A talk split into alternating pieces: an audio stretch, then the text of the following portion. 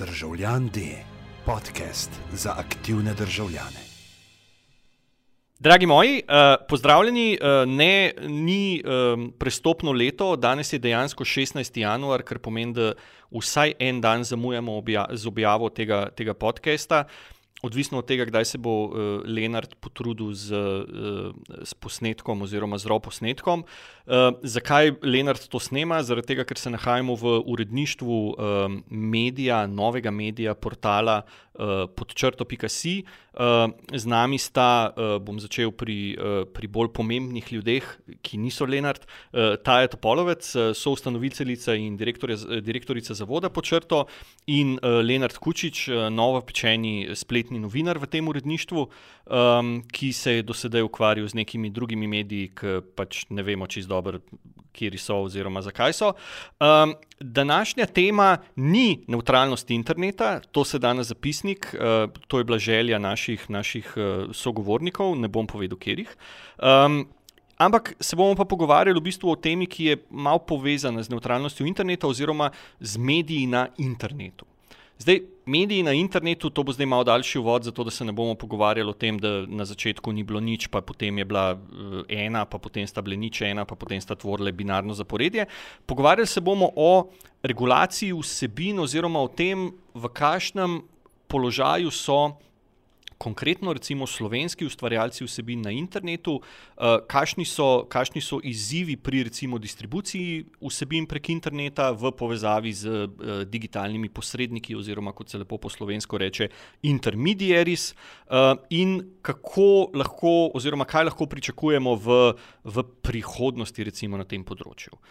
Uh, Pa zdaj je dovolj za uvod, oziroma zdaj sem, po mojem, dovolj nasmejal uh, svoje gosta. Uh, zdaj pa mogoče prvo vprašanje, uh, uh, kaj se, mogoče tako najbolj plastično, kaj se pri distribuciji vsebin na internetu, v medijskem svetu, trenutno najbolj izplača? To me spomne na, uh, na veš, tisto. Prvo lekcijo, ki jo dobiš na vsakem mediju, treningu, in to je, če nočeš odgovarjati na vprašanja, povej tisto, kar si prišel povedati. Tako, kar si prišel vprašati, in potem samo rečejo, da ne, in zaključiš. Ampak, ali pa ne, ne vem, ali pa ne vem. Vprašanje je dosta odprto, Lenart. No? Kaj se splača, oziroma se, kako so se te recimo prakse distribucije vsebin prek interneta vem, spremenjale, mogoče že za časa uh, portala pod črto. Jaz sem to kar predal taj. Oh, hvala. ne boš zoprno vprašanje, predajmo vsi na desno, v redu je. Lenar, um, um. Še enkrat ponovimo vprašanje. Ja, uh, kako so se spremenjale prakse distribucije vsebin prek interneta? Mislim, da ko govorimo o distribuciji vsebin, je najprej odvisno, kateri tip vsebin sploh delamo. Za naprimer, da govorimo o nekih uh, klasičnih medijskih vsebinah, o člankih. Torej. Um, In ko večina pač za svojo primarno distribucijo, seveda, uporablja svojo, svojo spletno stran, ki si jo postavim, potem pač je v zadnjih, rečemo temu, v zadnjem desetletju, um, precejšen del distribucije bil pač prenešen na, na socialno mrežo, torej predvsem na Facebook in pa Twitter. Za Twitter uh, v rečemo anglosaksonskem svetu več kot pri nas, naprimer, čisto za, za medijske vsebine.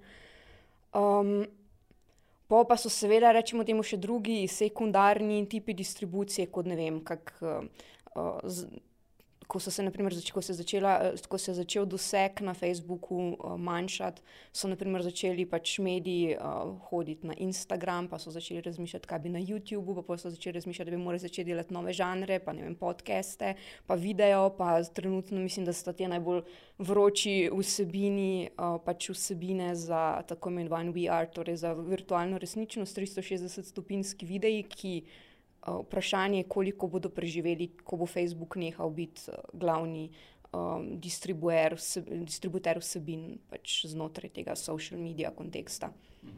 Ampak morda lahko tukaj dodava že samo mm. to, ker uh, za marsikoga je precejšno presenečenje, ko ugotovi, da je začel Facebook zmanjševati doseg. Ker, uh, ja, ampak to, to se dejansko dogaja že, že precej let. Pač, uh, najprej, kar se, mislim, Pri, problem pri Facebooku je, da oni zelo hitro in pa netransparentno, seveda, spremenjajo svoje algoritme. Kar pomeni, da če se, če mogoče se uporabniki Facebooka sami spomnijo, da nekaj ča, leta nazaj, naprimer, smo imeli v bistvu samo en tip profila na Facebooku in je v bistvu bil vsak profil je bil oseba. Po zaradi tega, ker se med temi osebami znašlo vedno več organizacij, medijev, um, projektov, so naredili tam razliko v smislu, da smo zdaj dobili te tako imenovane strani, pa profile javnih oseb in to niso več osebe ki imajo drugačen algoritem za distribucijo svojih vsebin, kot jih imajo pač naprimer tvoji prijatelji v, v tvojem mrežu. Uh, potem, so se, potem so se dogajale spremembe, uh, par let nazaj, naprimer, kjer so se organski dosegi objav, ki vodijo z, ven iz Facebooka, drastično zmanjšali. Torej je algoritem začel preferirati vsebine, ki so naložene na sple, uh, na, direktno na Facebook, torej ali fotografija ali tekst, ne pa linkov. Uh, kar je pomenilo torej, zmanjšanje organskih dosegov vseh medijskih objav, ki so dane direktno na Facebook. Um, in takrat, hkrati, usporedno se je potem tudi uvedlo to možnost plačevanja dosegov, in jih je začela večina medijskih hiš in pa medijskih projektov tudi koristiti za to, da so sploh dosegli kakšnega svojega uporabnika. Uporabniki pa so se morali, seveda, predhodno na te vsebine naročiti uh, kot sledilci strani, ne več kot prijatelji uh, teh medijev. Um, pol je pa mislim, da je letos novembra potekal geografsko omejen eksperiment s tem tako imenovanim Explore Feedom, kjer so delo, dejansko ločili vsebine uh, oseb, ki so v tvojem omrežju in pa strani, ki jih spremljaš. Kar je pomenilo, da se vsebi, organsko prikazane vsebine strani niso več prikazovale med vsebinami tvojih prijateljev, uh, kar je pri tem eksperimentu pokazalo, da so do, organski dosegi medijev drastično padli, mislim, več kot 25%. In da je edini način, da bi v takem, takšnem ločenem, dvotirnem sistemu distribucije vsebin znotraj Facebooka bi pač bil, da uh, je tvoja vsebina plačena za to, da se prikaže uporabniku. Ja, oziroma, um, nekdanja opcija je pač postala nuja. Veš, če je. si lahko prej eh, izboljšal svoj doseg ali pa ciljanje, ali pa vse je pač naenkrat če si plačal, je pol naenkrat postalo to, če pa ne plačaš, pa praktično nimaš več niti unega organskega dosega. In tukaj je ena stvar, ki je zanimiva v vseh teh spletnih podjetjih, ko od začetka, mislim, enostavno se vidi, da tudi številni tisti, ki razmišljajo o teh novih platformah, či izgubijo to predstavo, da gre za zasebna podjetja ki tudi sama imajo lasten poslovni model in lastno strategijo. Kar pomeni, če bi Facebook na začetku prišel s tako idejo, kot jo ima danes, ga ne bi noben začel uporabljati. Če pa ti ne vlečeš dovolj uporabnikov in uh, na vse načine spodbujaš rast omrežja, spodbujaš povečanje mreže in tudi sam. V veliki meri spodbujaš, verjetno, nesorazmerno odločene dosege, kar pomeni, Facebook je na začetku vsem, tudi nevladnim organizacijam, medijskim organizacijam, najverjetneje sam na veliko pomagal, kar pomeni, da jih je promoviral lik zaradi tega, da so videli, kako je to fajn, pa kako je to koristno, pa hkrati seveda je dal tudi nujno potrebne vsebine za svoje uporabnike, da so imeli tam gor kaj početi. Ampak je zanimivo, kako to postane samoumevno in kako pa, ko pa enkrat oni rečejo, zdaj se gremo pa drugače. Vsi začnemo skoraj reči, da tisto čakate, ali to pa ne velja, ali pa šele takrat začnemo razmišljati, da je pa Facebook konec koncev ena ogromna oglaševalska agencija, ki se pač obnaša kot ogromna oglaševalska agencija, ki z tega ustvari nekje med 95 in vse prihodek. Ampak to je recimo ta problem, ki ste ga zdaj opisali. Ne? Se pravi, na neki strani, na eni strani uh, m, totalna odprtost na začetku in potem postopno zapiranje, omejevanje oziroma. Uh, kako se temu reče, monetiziranje nekega pretoka ali pa neke funkcije, to načeloma ni.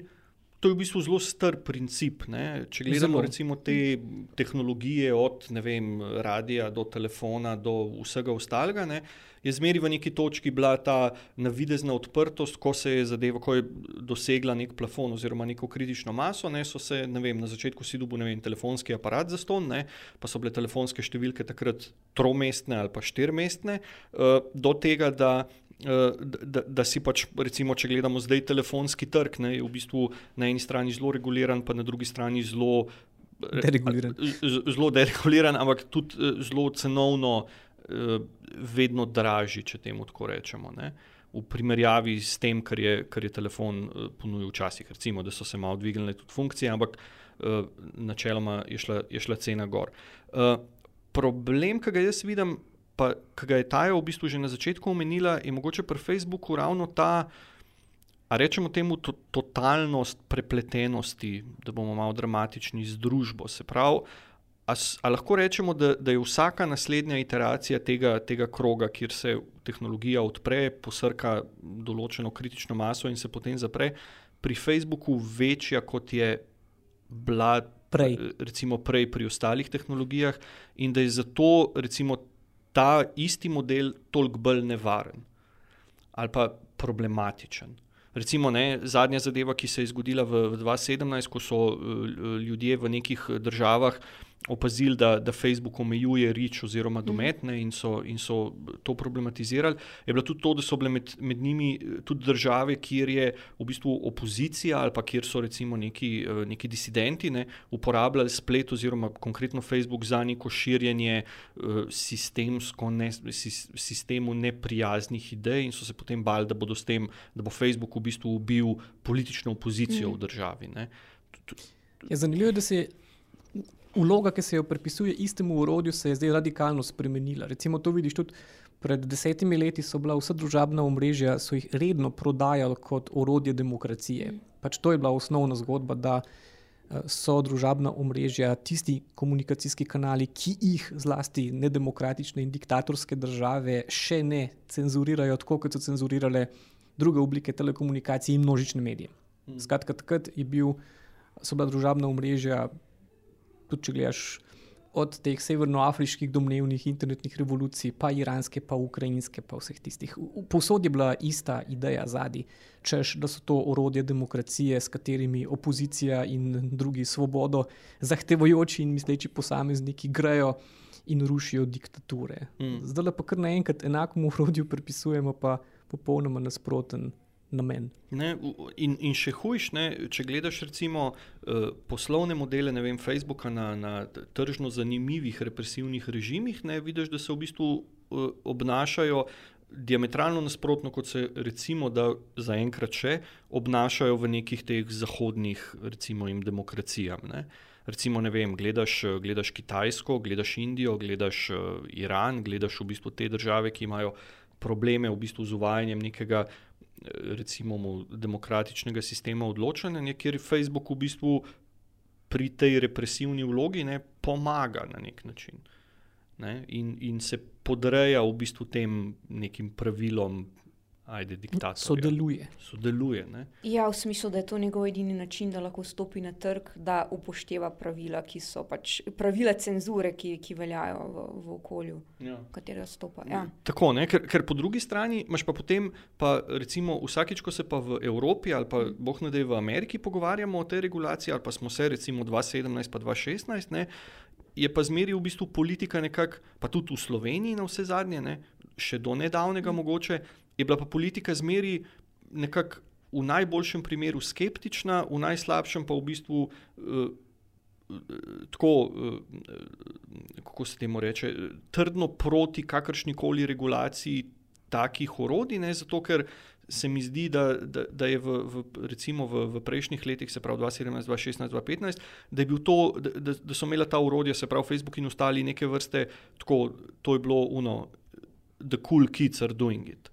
Ne, spomnim se, recimo, vem, zadnjih volitev, kjer je bil prisoten LDS s Katarino Kresal, ne, kjer so imeli v bistvu ta neke uh, Facebook čete oziroma neko, neko grupo na, na Facebooku mrežu in se je v bistvu govorilo o demokratičnem potencialu novih tehnologij in kako se v bistvu s tem uh, približuje uh, vladajoče uh, te politike oziroma kako se približuje politično elito. Uh, uh, navadnemu političnemu državljanu, medtem ko zdaj, ne, recimo 2017, 2018, recimo, če gledamo zdaj, bodo vem, parlamentarne oziroma volitve, ne, eh, not so much. Glede, si bil isto v Ameriki, veš, Obama ena, simbol same progresivne politike, pač Trump ena, pa v glavnem spremljamo izključno skozi trolanje, alt-right, fake news in podobne stvari. Ampak ja, gre v osnovi za enaka urodja. Ja. In, in potem spet mogoče vprašanje nazaj ne, pri teh posrednikih oziroma pri tej distribuciji vsebin, zakaj je to malo naivno vprašanje, zakaj je to tak problem, oziroma zakaj je zdaj ta odločitev Facebooka, da bo začel malo zapirati pipe, oziroma omejevati, oziroma kot on reče, nič ne bo omejeval, ne? povečal bo interakcijo med mm. prijatelji. Ne?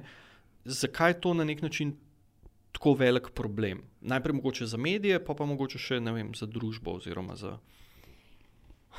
Jaz mislim, da imamo mi v bistvu vse čas težavo s tem, da ne znamo konceptualno čisto zagrabiti tega, s čim, ko govorimo naprimer, o Facebooku, kot pač o nekom, ki, uh, ki ima tu primate na tem področju, o čem pravzaprav govorimo.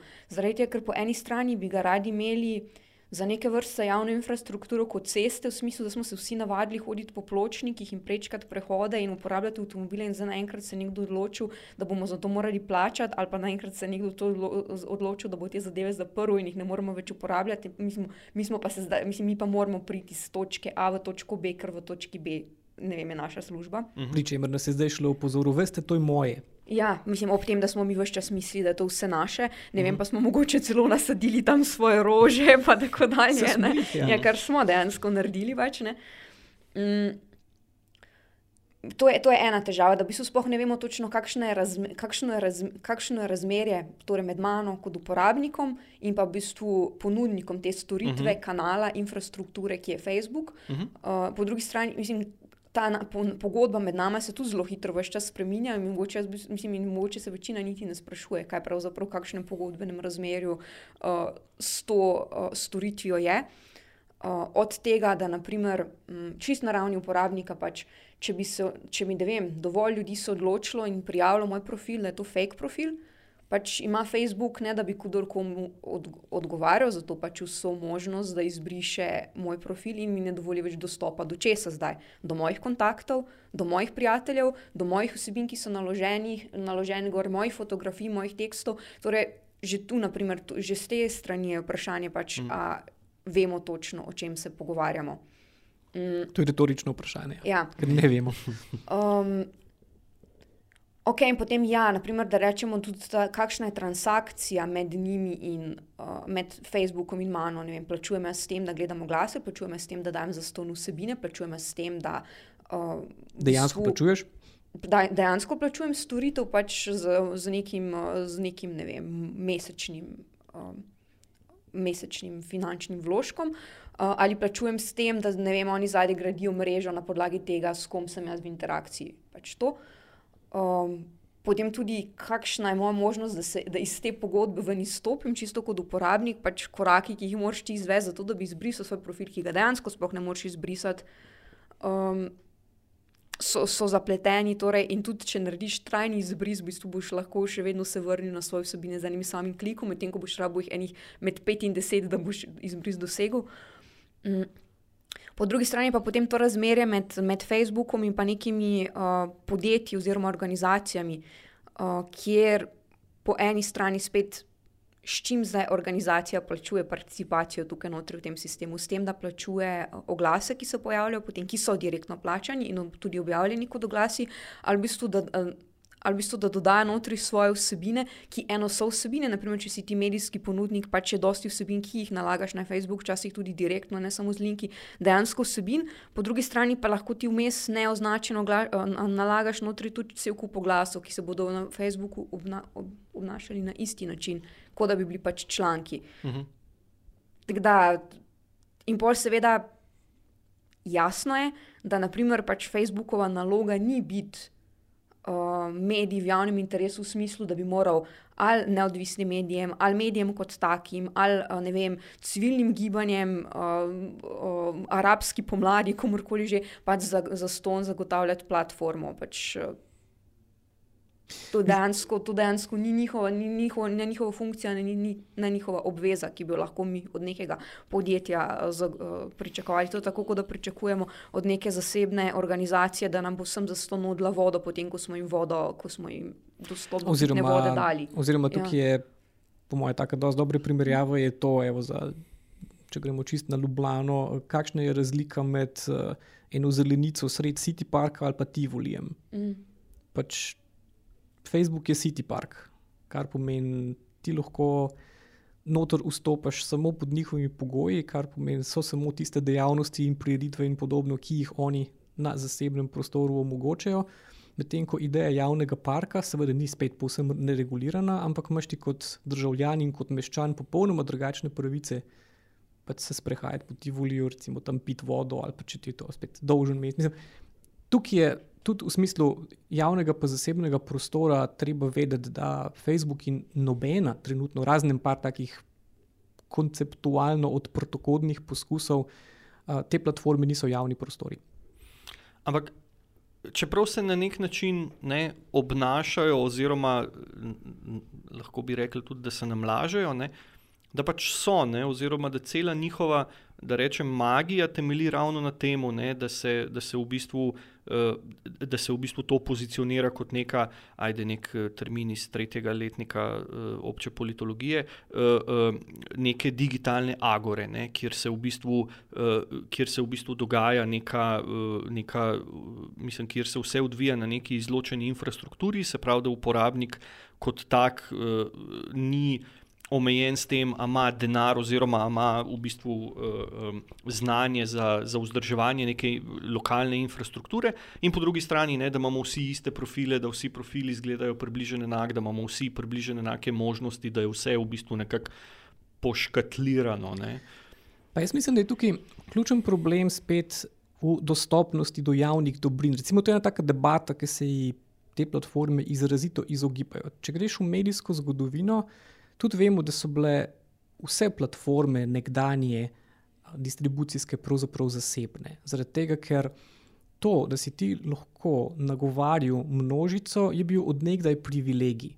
Zaradi tega, ker ali si mogel imeti nadzor nad ogromnim, največjim nacionalnim trgom, kjer si imel ogromno parado z par sto tisoč ljudi in si govoril z govorniškega odra, to je bilo pač tako tipična 200 stoletja varianta, ali si imel dostop do radija, s katerimi si spet nagovarjal vse od tistih, ki si jih imel na javnih prostorih, veš na kandelabrih, do tega, kar si imel doma. In vse, ampak nekje po drugi svetovni vojni je dozorela ta ideja, predvsem zaradi spona Tretjega rajha, da pa so mediji preveč nevarna zadeva, da bi jo lahko zaupali katerikoli državi, tako v popolnosti, da bi bila država lastnik popoln cele komunikacijske infrastrukture, zaradi tega, ker je pol jasno, da jo bo zlorabila za propagando in za utrjevanje oblasti. In pa je bilo tukaj ogromno teh odvodov od tega, da smo si izmislili javni servis. Kot eno idejo bolj javnega medijskega prostora, kjer so tudi državljani imeli pravico do zastopanja njihovih interesov, glasu in vsega živega, do tega, da se je dovolili zasebne medijske sisteme in infrastrukture, mm, recimo, da si lahko imel svoj časopis, svojo tiskarno, svojo distribucijsko hišo, pa vse. Ampak tudi na tej točki so bile še zmeraj varovalke, uh, ki jih recimo medijski zakon predvideval, da pa seveda ne smeš uh, imeti več kot toliko velika. Tržnega deleža, to, to enostavno zaradi tega, ker je bila ena jasna predstava v medijski teoriji, pa v medijski politiki, da je lahko tudi določena moč prevelika, pa naj bo to države ali pa zasebnega medijskega lastnika, in da lahko negativno vpliva na demokratične družbe. Medtem, ker do te debate na digitalnih platformah zaenkrat, če nismo zares prišli. Recimo, smo se začeli z tem fake news fenomenom, še časi dotikati. Ja. Ja. Mogoče kar nadaljujemo, ne? zakaj pa ne? Oziroma, če, če opažamo, recimo, meni je fascinantno pri tej zadevi ravno to, ne, da, da lahko na neki dosti kratki časovni razdalji, ne, govorimo o parih. Ajde, recimo, parih letih, v maksimumu nekih deset let, pa niti ne deset Zares, let. Ja. Ne, lahko vidiš v bistvu isti model, oziroma iste, iste finte, kot, kot so bile recimo historično, v, kot že rečeno, v elektronskih medijih, v, v, v tiskanih oziroma v ostalih medijih prisotne. Zakaj gre to tako počasi, oziroma zakaj se še zmeraj delamo, da to je pa zdaj, this changes everything, mislim, is, ne, da to je pa zdaj pa nekaj čist drugega. A je to mogoče, ker rad govorim, pa imam ful nekih idej zmeri, a je to mogoče zato, ker, ker se delamo? Mislim, ker, ne, ker upamo ali ker mislimo, da imamo, da vsakič, ko se nečesa novega lotimo, oziroma z vsakim poskusom delamo novo napako, pa se pol nekako lažemo sami sebi, da ne, ne zdaj, bo, zdaj se bomo pa nekje drugje zmotili.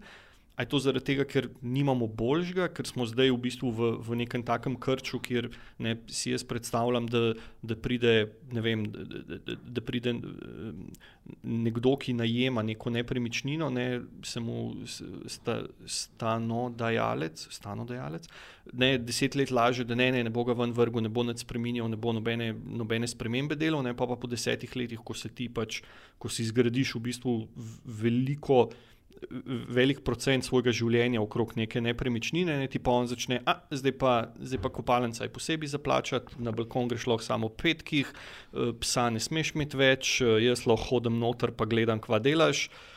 Je, Mislim, kar je dejansko to, kar se je zgodilo velikemu številu, rečemo temi, temu, teh novih medijev, ki so štartali samo in izključno na posamični platformi. Pa to ni bil nujno samo Facebook, vem, en primer bi bil tudi konec koncev YouTube, kjer je bilo ogromno število ljudi uh, štartalo za svojimi. Uh, YouTube kanali na različne teme, sploh ne nujno medijskimi. Torej, mm, tudi nevladne organizacije. Ja, nevladne ja. organizacije, ampak vse, od, me, mislim, torej od neke videoprodukcije, kulturne produkcije, nevladnih organizacij. Pa konec koncev fitness programov, torej, ki, ki so zgradili uh, ogromna občinstva. Naprimer, in so pač takrat, ko je tvoje celo občinstvo na nekem kanalu, si ti dejansko kot ne, nekdo, ki proizvaja vsebino, uh mhm. -huh. pač popolnoma odvisen od distributerja tvoje osebine. Um, in uh, tudi, naprimer, na, tudi na drugih platformah so se pač pogoji sodelovanja zelo hitro spremenjali in niso bili vse čas enaki. Zdaj pa spet tako. Da vsak ta akter sam po sebi je precej majhen in nemočen. Mislim, da nimamo nekega sindikata YouTube ustvarjalcev, ki bi zdaj pritiskal na, uh, na YouTube, glede tega, kako oni spremenjajo terms and conditions. Uh -huh. uh, zdaj, po drugi strani, naprimer, klasični mediji, uh, ki so šli skozi proces digitalizacije, digit na digital first strategijo v zadnjih letih, oni dejansko so močni akteri, ki bi na nek način lahko stopili skupaj in naprimer, se pač uprli. Facebooku, Google, ampak vse konec koncev nekaj teh poskusov je bilo narejenih, naprimer pač, vem, španski publisherji mm. proti, proti Google. Google. Um, se ne da so kaj prida dosegli potem s tem. Ampak jaz mislim, da je to tudi ena težava, zaradi tega, ker po drugi strani vsi vejo, koliko so odvisni od te relacije, in uh, je mogoče tudi to, da pač je to, ta logika. Dajmo Dajmo uporabljati ta kanal, dokler bo karkoli prinesel. Po mojem, po podobni logiki kot to, dajmo tiskati tako dolgo, dokler bo šlo, pač dajmo do konca izčrpati to, kar je mogoče še potegniti iz tiska, iz uh, prodaje uh, naročnin in pa oglasov na tem področju, pač dokler gre, tudi če je padlo za 50%, pa se bomo pa spomnili neke druge, oziroma prišla bo neka druga čudežna tehnološka rešitev, ki bo rešila naš medijski model. Ampak uh, se to je bilo, recimo, tudi če pogledaš, to sta, če se navežem uh, za medijsko regulacijo sem imel dva glavna razloga. Eno je bil ta, kot sem prej rekel, potencijalno zlorabo moči, uh -huh. drugo pa to, da um, veš, pravice nimajo nobenega smisla, če jih ni mogoče udejanjati. In za vsak medijski trg je bilo izračunano, kakšni so vstopni stroški za ustanoviti medij. Uh -huh. In včasih si ti vedel, da če hočeš ti v Sloveniji postaviti televizijsko postajo, rabiš tok za frekvence, tok za unik. Skratka, vedel si, da medijske hiše ne more imeti vsak. Mhm. -huh. In tudi časopisa, preden boš ti zgradil tiskarno, pa vso infrastrukturo, pa tole. Pač visoki stroški so postali v eni zreli medijski industriji, da si ti sploh lahko prišel do možnosti, da boš svoj medijski glas, pa stališče podobno zastopil. In kar je bilo zanimivo, je to, da internet, vsaj na tej začetni fazi, se je zdel, da je pa zdaj to čudežna stvar, ki je pa odpravila vstopne stroške. Mm. Mm. In takrat je tudi ogromno medijske regulacije se zdelo odvečno, ker češ danes je pa popolnoma brezpredmetno govoriti o tem, ker ti ne rabiš več, recimo za Slovenijo, kaj s tem, rečemo 100 milijonov, da boš zgradil uh, pač stavbo, pa tiskarno, pa ne vem kaj, da boš ti pol avtonomen na svoji platformi, ampak lahko imaš samo en računalnik, pa dostop do interneta in imaš že globalno občinstvo. Ampak danes pa vidimo, da zaradi tega se je pa popolnoma, mislim, zdaj se je pa zgodilo to, da če pa rečeš ti, da je pa platforma tisti vstopni strošek. Pa ugotoviš, da na celem svetu praktično nimaš prostora za več kot en ali pa dva, Google, pa Facebook, pa tole. In so postali vstopni stroški na, recimo, za konkurenco platform pa enormni. In po mojem, tudi zaradi tega se noben ne upa tega lotiti, ker tudi ne ve, na kakšen način bi to zapopadlo. Veš, ker je čistko, preveč enih stvari bi mogel popolnoma radikalno premisliti, preden bi rekel, kaj pa zdaj. Ampak recimo ravno to, kar si omenil, ne, te uh, nični vstopni stroški na področje recimo temu digitalne produkcije, ne, so na eni strani. Sicer, Okay. Navidezni. Tako, navidezni. Ja. E, so načeloma na eni strani pač e, dejansko dali nek občutek tega egalitarnega modela, kjer smo vsi vse, ne? ampak hkrati so pa v bistvu uh, dvignili oziroma opozorili na nov problem in to je pač čista, pa če zdaj malo kanaliziramo Tima Vuja in Attention Merchants, uh, pač boj za pozornost oziroma boj za fokus, ne? ki je bil včasih mogoče ne eksplicitno, ampak implicitno pa zagotovo ne. Pohendlan strani urednikov, ne, pa se je temu rekel agenda setting, potem se je pa kar naenkrat, in mogoče nadaljujemo debato v tej smeri, ne, naenkrat razvila, po moje, recimo, usporedno z, z, z idejo racionalnega državljana, ne, kritičnega bralca oziroma bralca, ne, ki bo s pomočjo nevidne roke trga to pohendlo samo od sebe. Ne, se pravi, da namesto tega, da mu uredniki servirajo in da se neki izobraženi ljudje, fokusirani na določeno debato, odločajo, elite, ne, odločajo na mesto ali, ali pa v njegovem imenu. Se zdaj algoritem. Se zdaj algoritem, oziroma ne, ne vmes je bilo, da se bo to, da se bo to človek sam. Ampak še vedno je algoritem. Ok, ja. Mislim, Zaradi tega, ker algoritem vedno, mislim, tudi, da, da, da pač um, ni tako, da je kadarkoli uporabnik uh, v praznem prostoru hodil po, med vsemi vsebinami, uh, ki so dostopne na spletu. Mislim, 90% spleta nikoli ni bilo dostopnega za njega. Vedno bil vmes algoritem, ne glede na to, ali, dokler se je vsebine iskalo, predvsem prek iskalnikov, kar smo naprimer že pozabili, koliko močni. Uh, koliko močni, uh, rečemo, temu gatekeeperju za digitalne vsebine so bile pred usponom digi, uh, socialnih omrežij, mm. dejansko brskalniki, mm -hmm. ki so zdaj na nek način malo potonili v, v ozadju te debate, oziroma je Google v bistvu naredil tak monopol tukaj, da sploh lahko govorimo samo še o Google. In Google ustreza, da se zdaj pogovarjamo o drugih rečeh. Ja, mm. absolutno. Ja. Um, torej, vedno, vedno je bil nek vmes, nek, nekdo nek mestni filter, ki je določal ne povsem transparentno, seveda, katere vsebine jaz vidim, ko ko jih na videzno sam izbiram. Um, Tako da tu ta, ta vem, popolnoma odprt svet vseh informacij, ki so mi naenkrat dostopne, ni več gatekeeperjev, ni več urednika, to se dejansko ni nikoli zgodilo. To je sicer bila neka fama, v katero se je verjelo, mogoče nekaj časa. Ampak um, bi pa jaz bila moče pri teh zadevah, o katerih govorimo, malo pazljivo v smislu ker govorimo z takega zelo negativističnega pristopa. Z neke negativistične pozicije, v smislu, vse je na robe. Pač treba je vedeti, da vseeno mnoge stvari se ne bi zgodile, če se ne bi zgodila ta, rečemo, digitalna revolucija, uh, prehod na, na, na, na, na digitalno produkcijo vsebin. Pač, um, tudi počrtane. Tudi počrtane. Ja. Um, zato, ker pač, naprimer, čist konkretno. Uh, takšnih tipov nišnih medijev, kot je počrto, uh, ki se dejansko ukvarjajo z tipom vsebin, kot je preiskovalno novinarstvo, ki zahteva visoke produkcijske stroške. Uh, in jih je potem težko distribuirati v klasični obliki, smisla dnevnega časopisa, tednika, mesečnika ali česar koli podobnega, pač brez možnosti distribucije teh vsebin na spletu ne bi obstali na ta način. Zdaj, um, seveda, To spet ne pomeni, da so to vrstni medijski modeli, ki so naprimer nastali po svetu deset let prej, kot, kot smo se o tem v našem prostoru začeli pogovarjati, uh, da, zdaj, da je to pomenilo nek popolno nov medijski model, egal, egalitarizem v smislu, da so neki majhni ljudje, novinari, sami stopili na trg in bili popolnoma neodvisni od založnikov, od, od tega, odkje prihaja njihov denar, njihov denar, od tega, da si mora spostaviti platformo. Vsaka platforma stane, ne glede na to, ali digitalna ali pač plačuješ distribucijo časopisa do vsake posamične hiše v neki, mm. nekem mestu. Pa še nekaj tukaj pomembno in to je, da na podoben način kot ogromno teh reči, ki jih vsi jemljemo za civilizacijske pridobitve. Recimo, jaz tudi tukaj popolnoma strinjam, da to, kar je internet omogočil, je v do zdaj znani človeški zgodovini pravzaprav nepredstavljivo. Veš, toliko dostopa do vsebin, znanja, unga, vsega, mm. ki je toliko preprost, tako odprt, tako vse.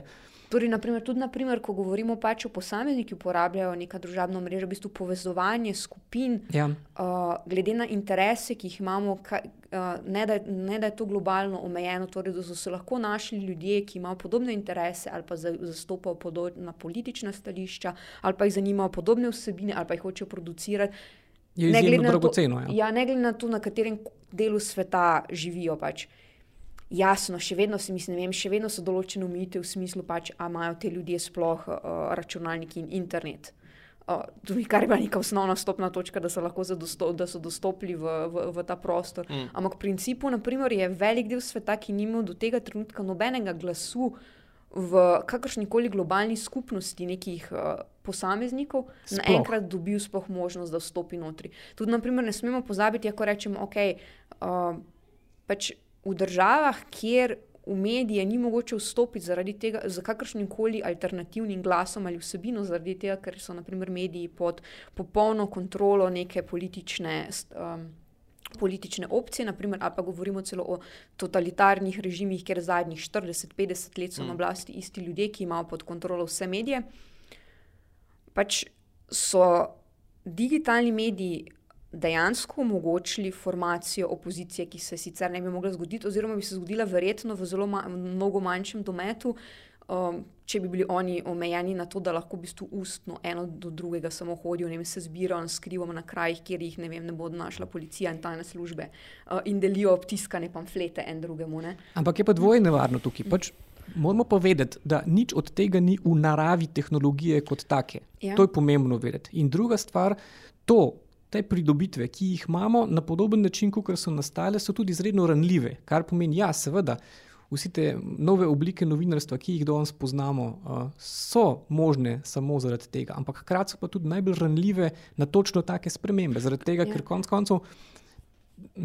To, če rečem za nas, no, recimo, v parih korakih algoritemskih nam lahko prepoloviš doseg Pa samo ne, pa ne samo še to, jaz bi tu moče še tretjo stvar dodala, ravno, da konec koncev tudi pač eno je sama ranljivost organizacij in teh in vsebin, če govorimo o novinarstvu, naprimer, druga stran pa je pač ranljivost samih uporabnikov. V smislu, da ni nihče izmed teh distributerjev zares zavezan temu, da bi tvoje, rečem, osnovne človekove pravice varoval. Tega, da naprimer totalitarni režim ne bo prišel do vseh tvojih podatkov, backlogov, vseh tvojih prijateljev in se ti po, po, pojavil na tvojih vratih. Ni te varovalke. Ja, ni te varovalke. Ampak, naprimer, ko govorimo tam, o tem problemu regulacije in pa medijev. Zdaj, ne gre samo za to vprašanje, uh, ali se bo nek distributer jutri spomnil, da bo zaračunal neko vsebino. To je še najmanj na nek način, ker do, dokler imamo denar pač dokler imamo denar, da to plačamo in rečemo, da je to neka uh, transparentna transakcija v smislu, jaz plačam za 10 evrov, vi mi boste za to zagotovili 2000 bralcev. Ja, da vemo. Ne vem, napri, ampak na, naprimer, da je transparentna. Uh mhm. -huh. kaj, se, kaj se zgodi v primeru, ko se ta distributer v nekem trenutku odloči, da sem jaz fake organizacija? In mi do, do, omogoči, do, onemogoči dostop do mojega lastnega profila, mojega lastnega občinstva. Kaj se zgodi v primeru, ko se naenkrat na določeni tipi vsebin ne pridajo več do svojih bralcev, zaradi tega, ker so označeni kot problematične vsebine, ne da jaz povem, v kakšnem smislu naj bi bile problematične. Eh, eh, tukaj bom uh, dal eno prav tako zgodovinsko opombo. Se pravi, danes je 16. januar, ura je 5 čez, uh, čez pol 6 in jaz bom uporabil Lenartovo, pa še neki. Ne? To, ne, da se delamo, da, da te tehnologije, oziroma da te recimo, posredniki delujejo neodvisno od politike. Ne? Oziroma da je to, čeprav gre za industrijo, da je ta industrija popolnoma na nekem drugem planetu in, in se je v bistvu ne tangira nobena politična realnost našega sveta, ne, je še ena past, v katero se potem ujamemo. In ko pademo v ta ekstrem debate o tem, da tehnologija uh, pomaga uh, reševati družbene probleme, in na drugi strani tehnologija je sama po sebi družbeni problem. Ne? In tle, recimo, dobro vprašanje, mogoče na kakšen način se pogovarjati, oziroma vsakič, ko začneš debato, it's complicated. Zgubiš v bistvu večino populacije, ki je zelo navajena na to, da bi rada črno-belo. Ja, dobro, like, slabi fanti in dekleta. Tako, ne. Mm. Um, ker smo že zdaj našteli par razlogov, ko v bistvu potem na koncu ne veš čisto dobro, odvisno, kje ustaviš debato, ne, da se pol odločiš, kaj boš glede tega naredil. Ne. Ja, dejansko je bi moral upoštevati vse te elemente, zaradi, ker gre tukaj konec koncev ne gre samo za tehnologijo, ampak gre za toliko različnih akterjev, ki se na teh platformah srečujejo in ima v bistvu vsak svoje interese in vsak svoje pravice. Mm. Uh, jaz moram reči, da mm, na eni izmed konferenc, kjer so bili prisotni. Uh, predstavniki Facebooka, ki potem rečejo, da ja, se, se pogovarjamo tako z medijskimi hišami, kot s političnimi strankami in vodstvi držav. In potem si misliš, da ja, pač, to je ta stvar, o kateri, o kateri se ne govori. Ki je problem? Ja. Pač, ja. Mm. Mm. Ja, ker, ker recimo ena od zanimivih zadev je, je ravno ta ne, odnos država v bistvu. Um, zasebna podjetja. Ko, ko države, recimo vem, lansko leto oziroma predlani, je bila ta zadeva z Ubrom. Ne? Mhm. Se pravi, pa ne bomo se zdaj o, o ekonomiji prekerstva pogovarjali, ker bo to, po moje, na druga, en drug podcast oziroma za celo, za celo epizodo. Ampak v bistvu v tem smislu. Ne, oziroma, trivija. Uh, s to temo sem zagrešil tri od petih najdaljših člankov na črto v lanskem letu. Bomo da ne gremo linke, res so dolgi, res ja. uh, you broke the internet. Skoro. Ja, EPP program. Uh, ampak zato je bolje, da ne začnemo.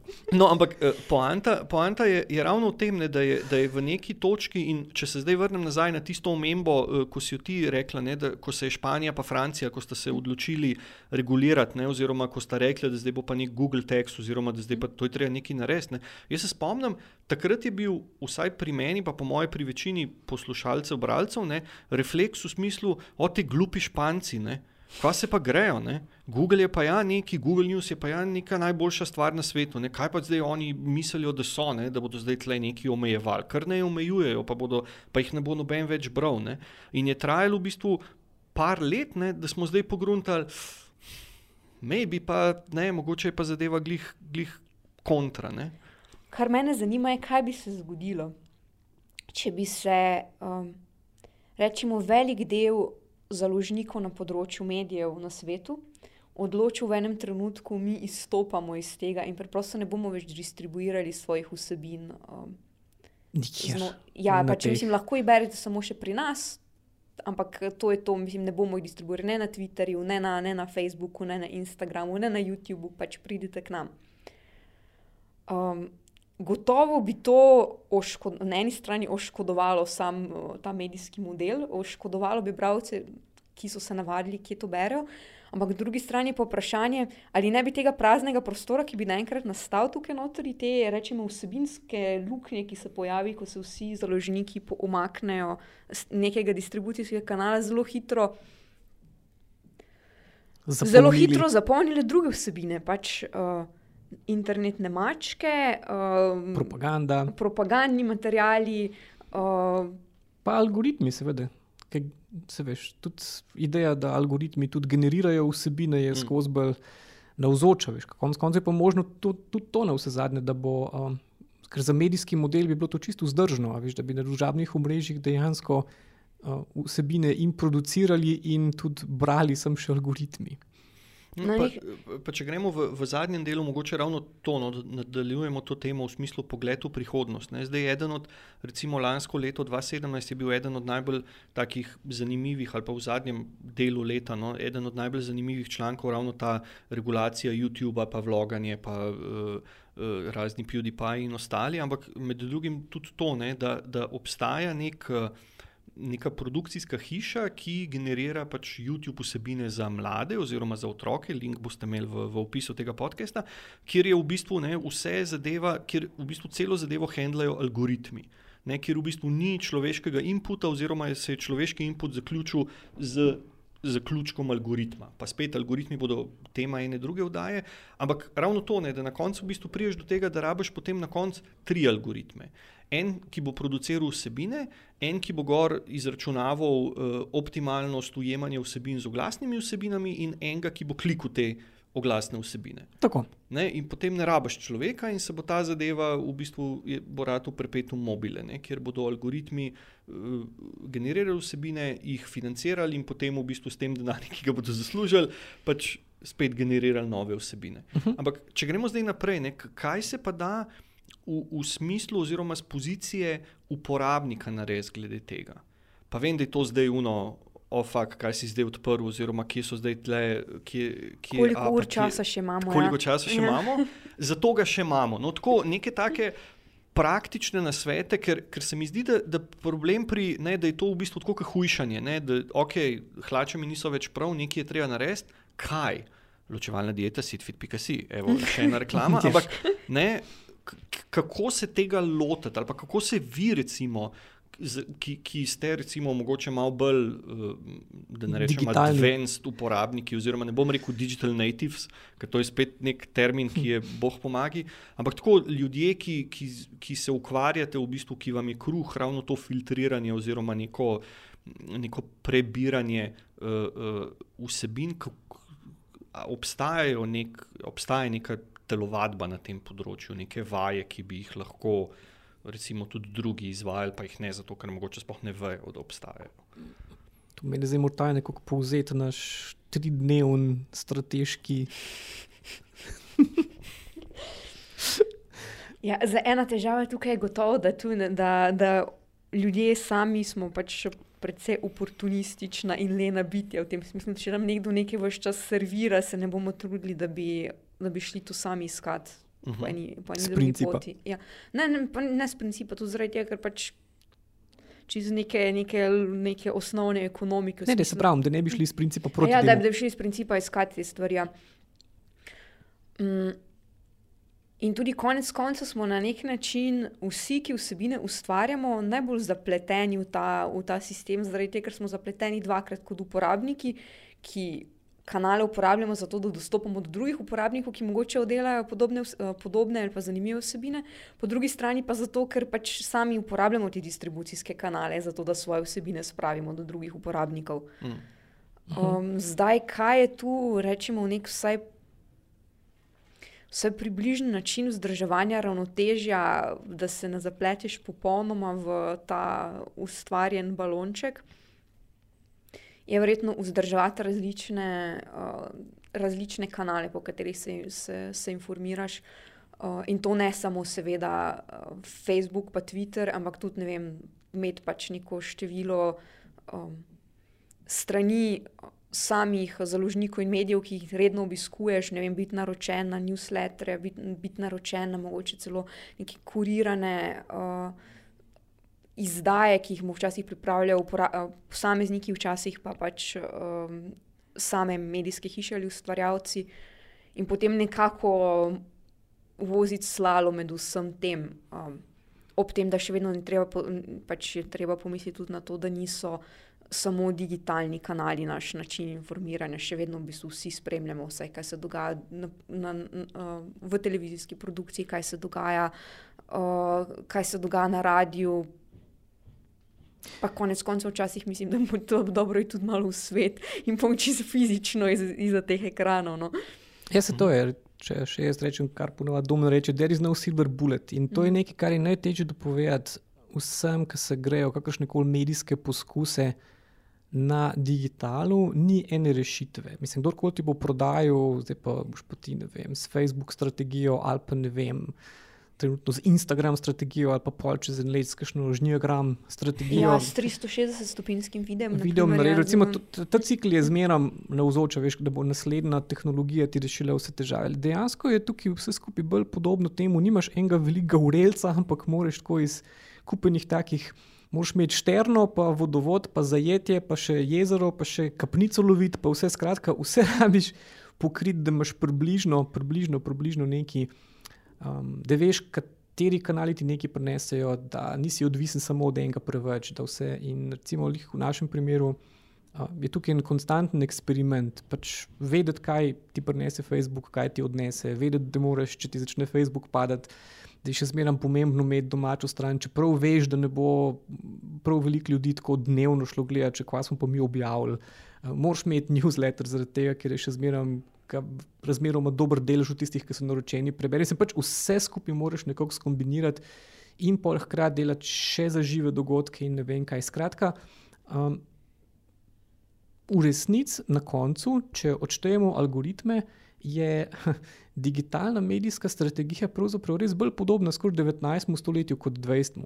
kar pomeni, veliko bolj je pomemben konkreten človek na, na drugi strani. Veš, tukaj ni več te ideje, da boš ti rekel, mi smo pa mediji z nacionalno pokritostjo, pa boš pa nekaj operiral s tem, da si pa zaradi tega ne vem, koliko pomemben, pa nimaš pojma, te kdo na koncu bere. Ne, mi zelo dobro vemo, koliko imamo klikov, koliko te bere, koliko časa te berejo, koliko pa ljudi od tega še donira. Skratka, stik, če hočeš res delati digitalno strategijo s konkretnim občinstvom na drugi strani, je v resnici veliko tesnejši.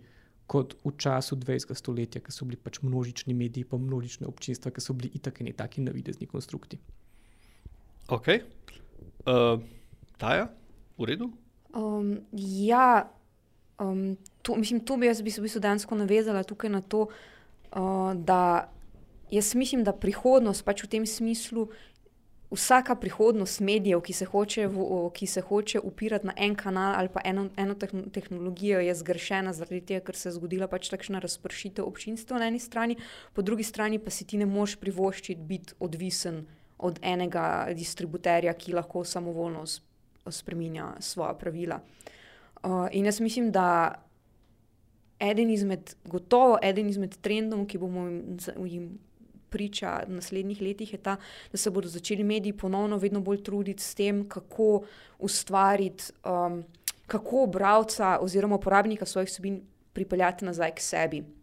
Čim bolj k sebi. Ja, ja ne, to, da, to, da ne vem, ogromni dosegi pač do ljudi, ki za katere sploh ne veš, kdo so, oziroma jih sam dejansko ne moreš na noben način nagovoriti, če za to ne plačaš posredniku, pač niso dovolj za, za tvoje preživetje v tej te, uh, vsebinski džungli. Uh, zato, naprimer, je eden izmed modelov, ki so ga zdaj, ne, mislim, ki so ga upeljali, pač novi medijski modeli, pa ga začenjajo velike medijske hiše prevzemati, tako imenovani membership, model, torej v bistvu uh mhm. -huh. članski model, kar je spet, kot si ti rekel, 19. stoletje, izredno Čist. star model.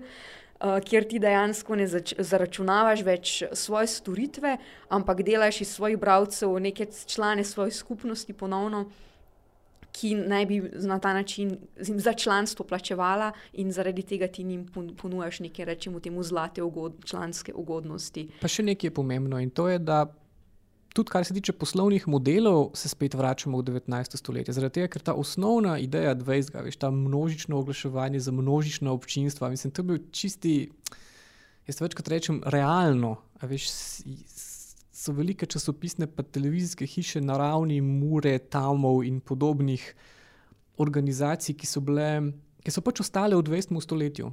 Veš, in tudi tukaj, jaz mislim, da ta ideja, ki jo danes jemljemo kot problematična, veš, pozabimo. Da tudi teh novinarskih pravil, tega veš, uravnoteženosti, pa unga, pa ne vem česa. To ni noben novinarski mojzes prinesel uklesano v deset zapovedi iz ene svete gore, ampak se je izoblikoval skozi oglaševalski model, kar pomeni, ti si moral nagovarjati čim širše občinstvo, kar je pomenilo tudi to, da si veliko kontroverze v vrhu. Da, si, da so, recimo, če greš ti mehen, da te zanima medijska zgodovina, pa greš brati medije v 19. in začetku 20. stoletja. Mislim, to, koliko so bili neprikrito navijaški, pamfletistični. Veš, to so bila strankarska, interesna, politična, ne vem, kakšna glasila, ki so nagovarjala svoje občinstvo, ne, ne vsadzga. Veš, pač vem, levičarskega delovskega tiska ni bral slehrnik.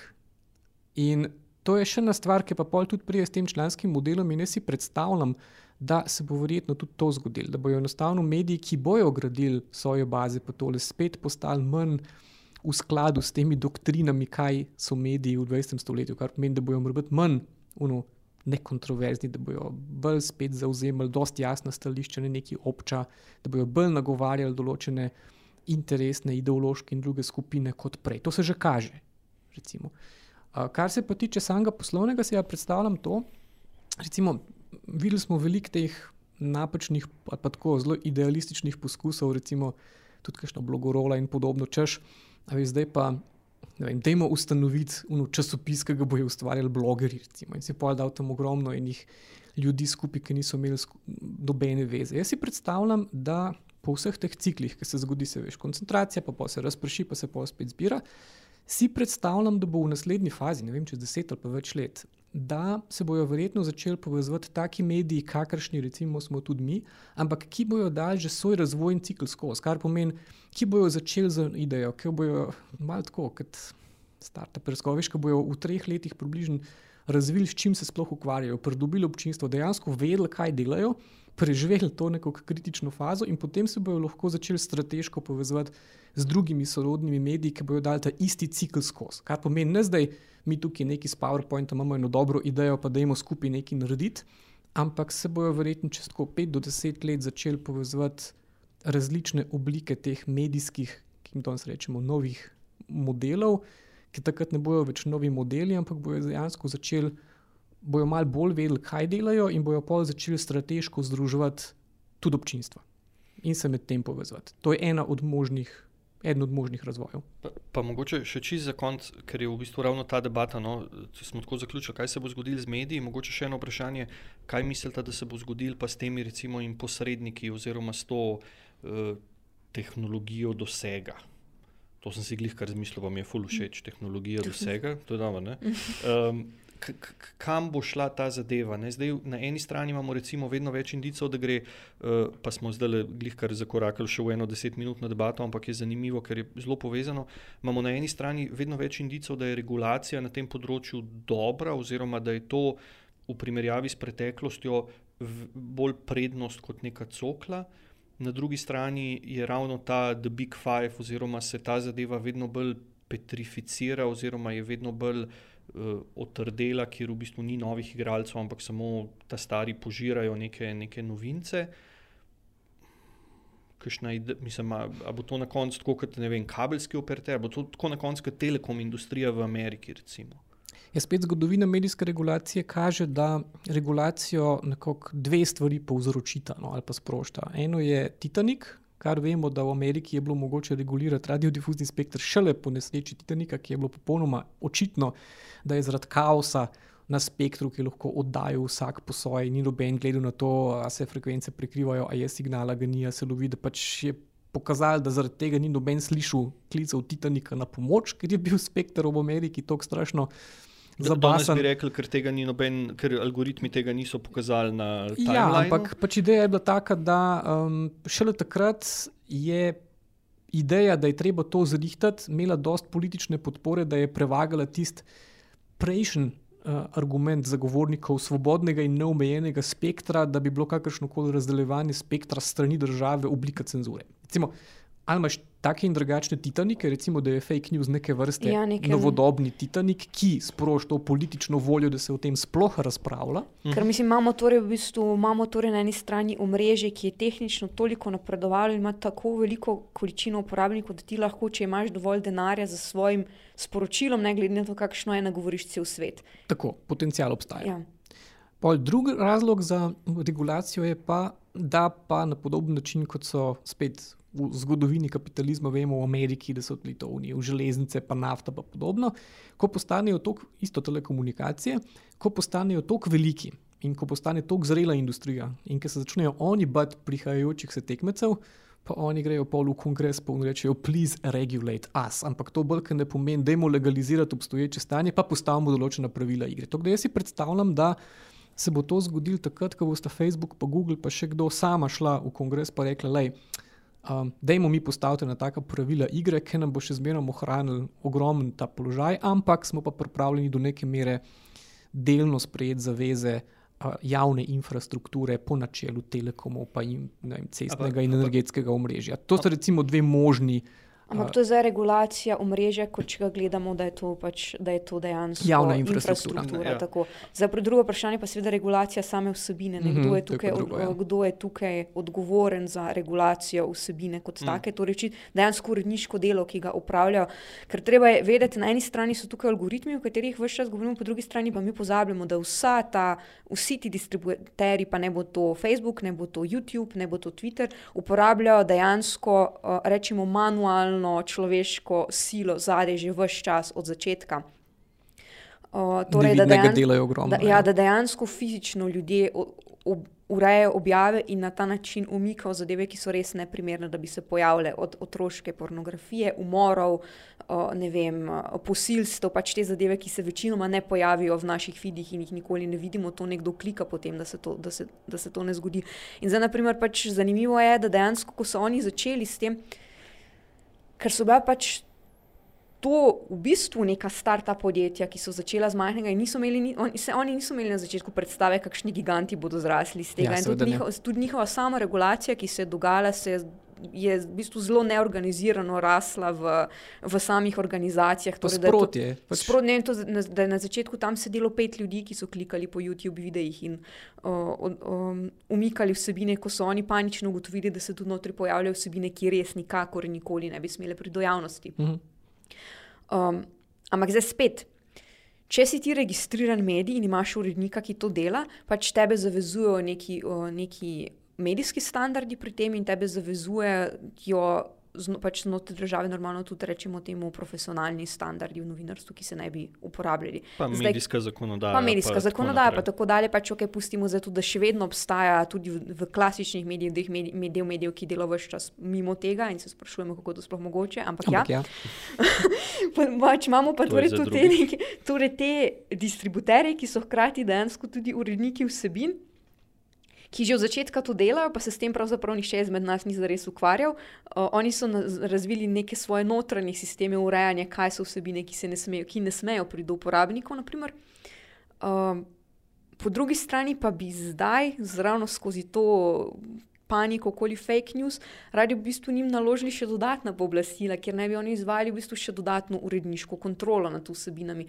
In vprašanje, ali so oni za to sploh primerni, ali imajo sploh znanja za to?